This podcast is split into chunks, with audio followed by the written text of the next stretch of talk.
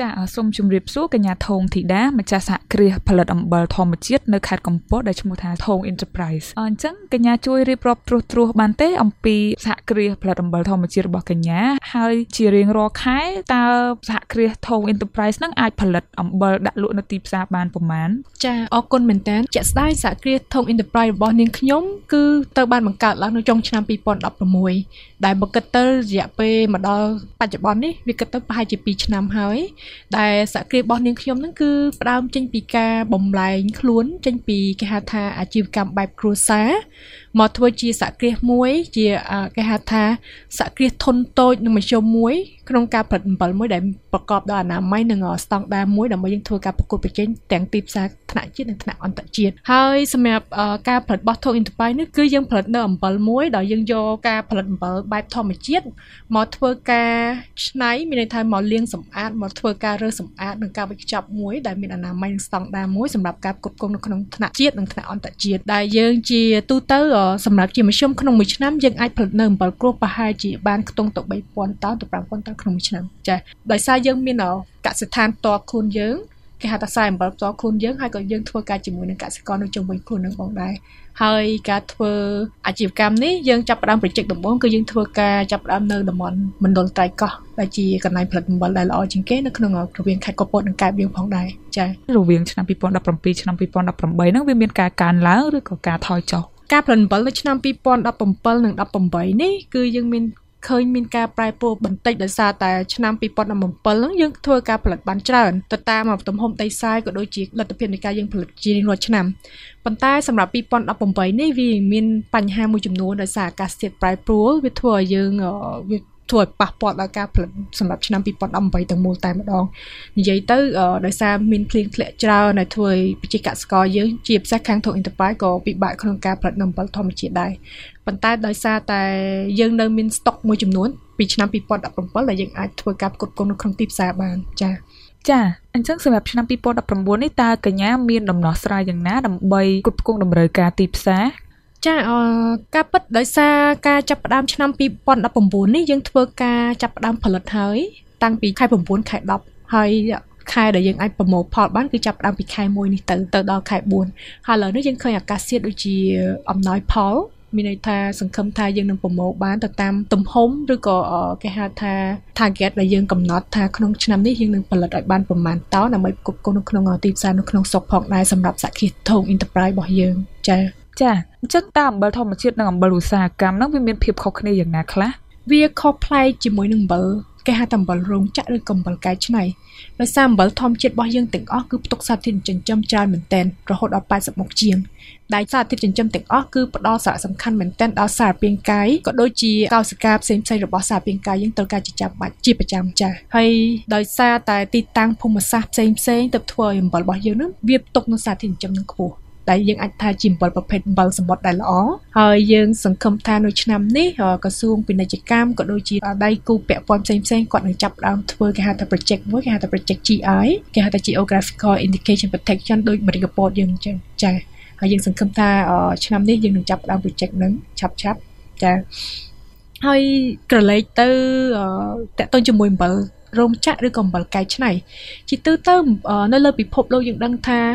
90%ហើយដែលសិតសឹងជាអំបិល industrial soil មានន័យថាអំបិលឧស្សាហកម្មហើយមានតែខ្ទង់ចន្លោះពី8%ទៅ10%ទេដែលយើងអាចផលិតអំបិលសមុទ្របានអញ្ចឹងអំបិលឧស្សាហកម្មអ្វីទៅជាអំបិលឧស្សាហកម្ម អំបិលឧស្សាហកម្មគឺជាអំបិលដែលគេបូមទឹកភាគច្រើនគេបូមទឹករ៉ែពីក្រោមដីមកគេដាក់ចូលនៅក្នុងម៉ាស៊ីនរបស់គេគេដាក់សារធាតុញែកទាំងអស់គេយកតែពួកសូរ៉ូយ៉ូមហើយនិងក្លរទេអញ្ចឹងគេយកសូរ៉ូយ៉ូមនិងក្លរហ្នឹងគឺចំនួនដល់99.99%ទៅតាមស្តង់ដារកូដេរបស់គេដែលធ្វើអំបិលគឺប្រៃខ្លាំងមែនតើអញ្ចឹងហើយបានប្រជាជនយើងមួយចំនួនគាត់ឆ្ងល់ឆ្ងល់ថាហេតុអីគាត់ទិញអំបិលមួយចំនួនប្រៃខ្លាំងមែនតើ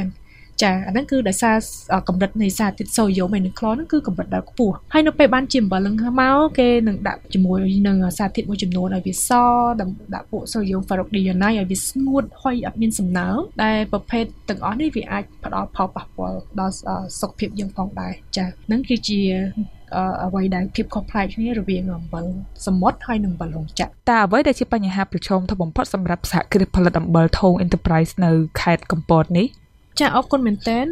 សម្រាប់សំណួរនេះពីព្រោះថានៅពេលដែលយើងកលេចមើលឃើញជាក់ស្ដែងបញ្ហាប្រឈមតែងតែមានជានិច្ច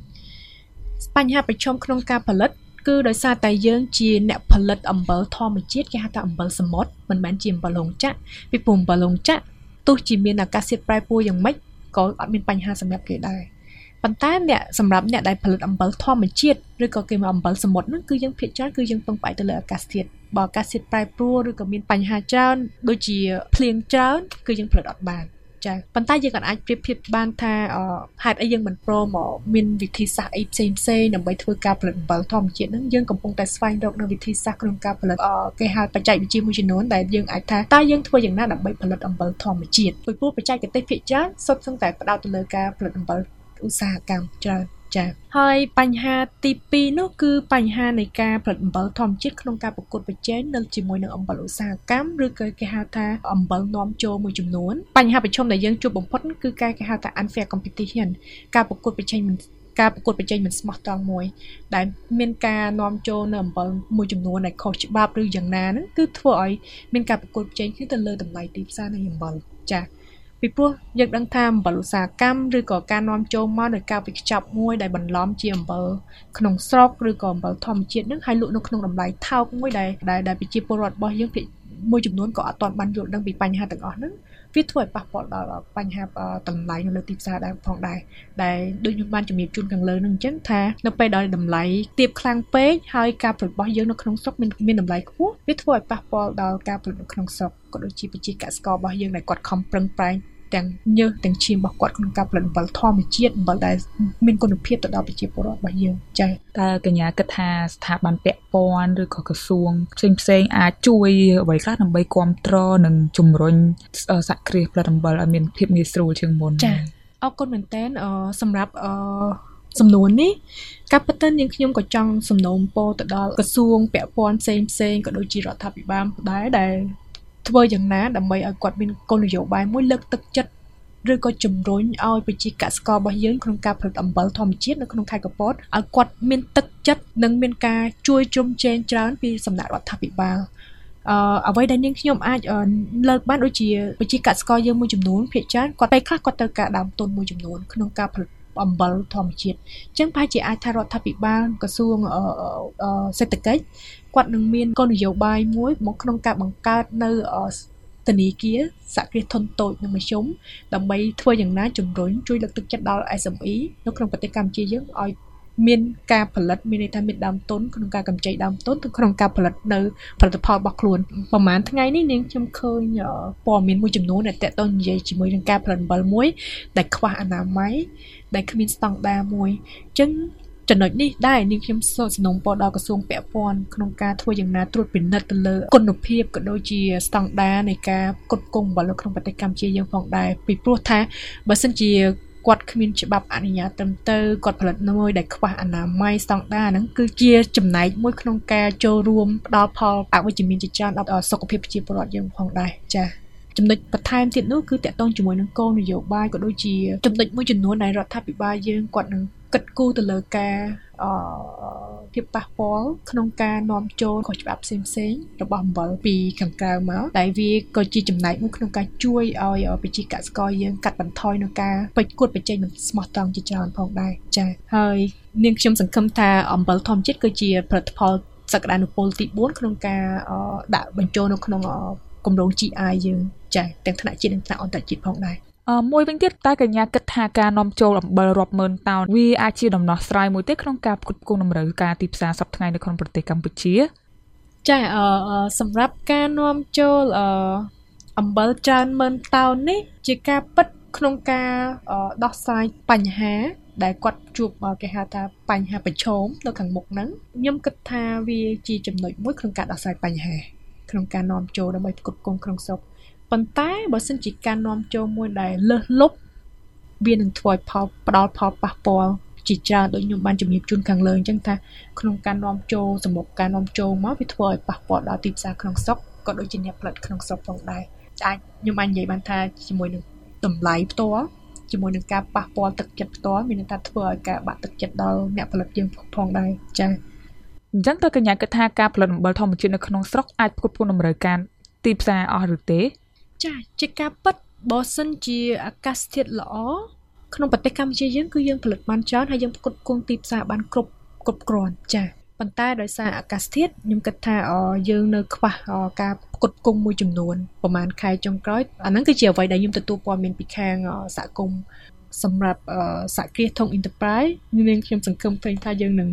ធ្វើការសហការក្នុងការផលិតឲ្យបានច្រើននិងសហការជាមួយវិជាកសិករយើងឲ្យបានច្រើនក្នុងការផលិតបន្ថែមទៀតក្នុងការផ្គត់ផ្គង់នៅក្នុងទីផ្សារក្នុងស្រុកចា៎សំណួរចុងក្រោយតើកញ្ញាមានមតិផ្ដាំផ្ញើទៅប្រជាពលរដ្ឋកម្ពុជាអឺសម្រាប់ប្រជាពលរដ្ឋរបស់យើងក៏ដូចជាមិនថាអ្នកណាទេអឺដូចខ្ញុំបានជំរាបជូនអញ្ចឹងថាអឺសហគ្រាសធុង Enterprise គឺភាគច្រើនគឺផ្ដោតទៅលើចក្ខុវិស័យរបស់យើង គឺយើងធ្វើយ៉ាងណាឲ្យប្រជាពលរដ្ឋយើងទាំងអស់ទាំងអ្នកតាក់តែងច្បាប់ក៏ដូចអ្នកប្រើប្រាស់ក៏ដូចជាពលរដ្ឋកម្ពុជាឬក៏ម្ចាស់ភោជនីយដ្ឋានឬម្ចាស់អាជីវកម្មផ្សេងផ្សេងហ្នឹងគឺគាត់ឲ្យគាត់យល់និងឲ្យតម្លៃទៅលើអំបិលធម្មជាតិនៅក្នុងខេត្តកពតថាតើអំបិលនៅក្នុងខេត្តកពតយើងរបស់យើងនឹងមានគុណភាពយ៉ាងណាផ្ដល់ផលប្រយោជន៍ណាយ៉ាងណាខ្លះដល់សុខភាពរបស់ពួកគាត់ហើយជាពិសេសនោះគឺឲ្យគាត់ផ្ដោតទៅលើគេហៅថានាំគ្នាជួយ support ជួយជ្រោមជ្រែងទៅលើផលិតផលក្នុងស្រុកផ្ទាល់ខ្លួនរបស់យើងពីព្រោះថាបើសិនជាយើងទាំងអស់គ្នាអត់ជួយ support ទេយើងក៏អត់ដឹងថាមានអ្នកណាគេមក support ផលិតផលក្នុងស្រុករបស់យើងដែរតើតែប្រជាពលរដ្ឋរបស់យើងផ្ទាល់ក្នុងការជួយជំរុញ support ទាំងអស់គ្នាហើយតកតងក្នុងនឹងដែរយើងអាចនិយាយបានថាឲ្យគាត់យល់យល់ថាតើភាពខុសប្លែកគ្នារវាងអំបិលសមុទ្រហើយនិងអំបិលឧស្សាហកម្មហ្នឹងតើវាផ្ដល់ផលវិជ្ជមាននិងផ្ដល់ផលអវិជ្ជមានយ៉ាងណាខ្លះដល់សុខភាពរបស់គាត់ផងដែរចា៎ចា៎ ចាសូមអរគុណច្រើនកញ្ញាថងធីតាម្ចាស់សហគ្រាសផលិតអំបិលធម្មជាតិថង Enterprise ចាអរគុណ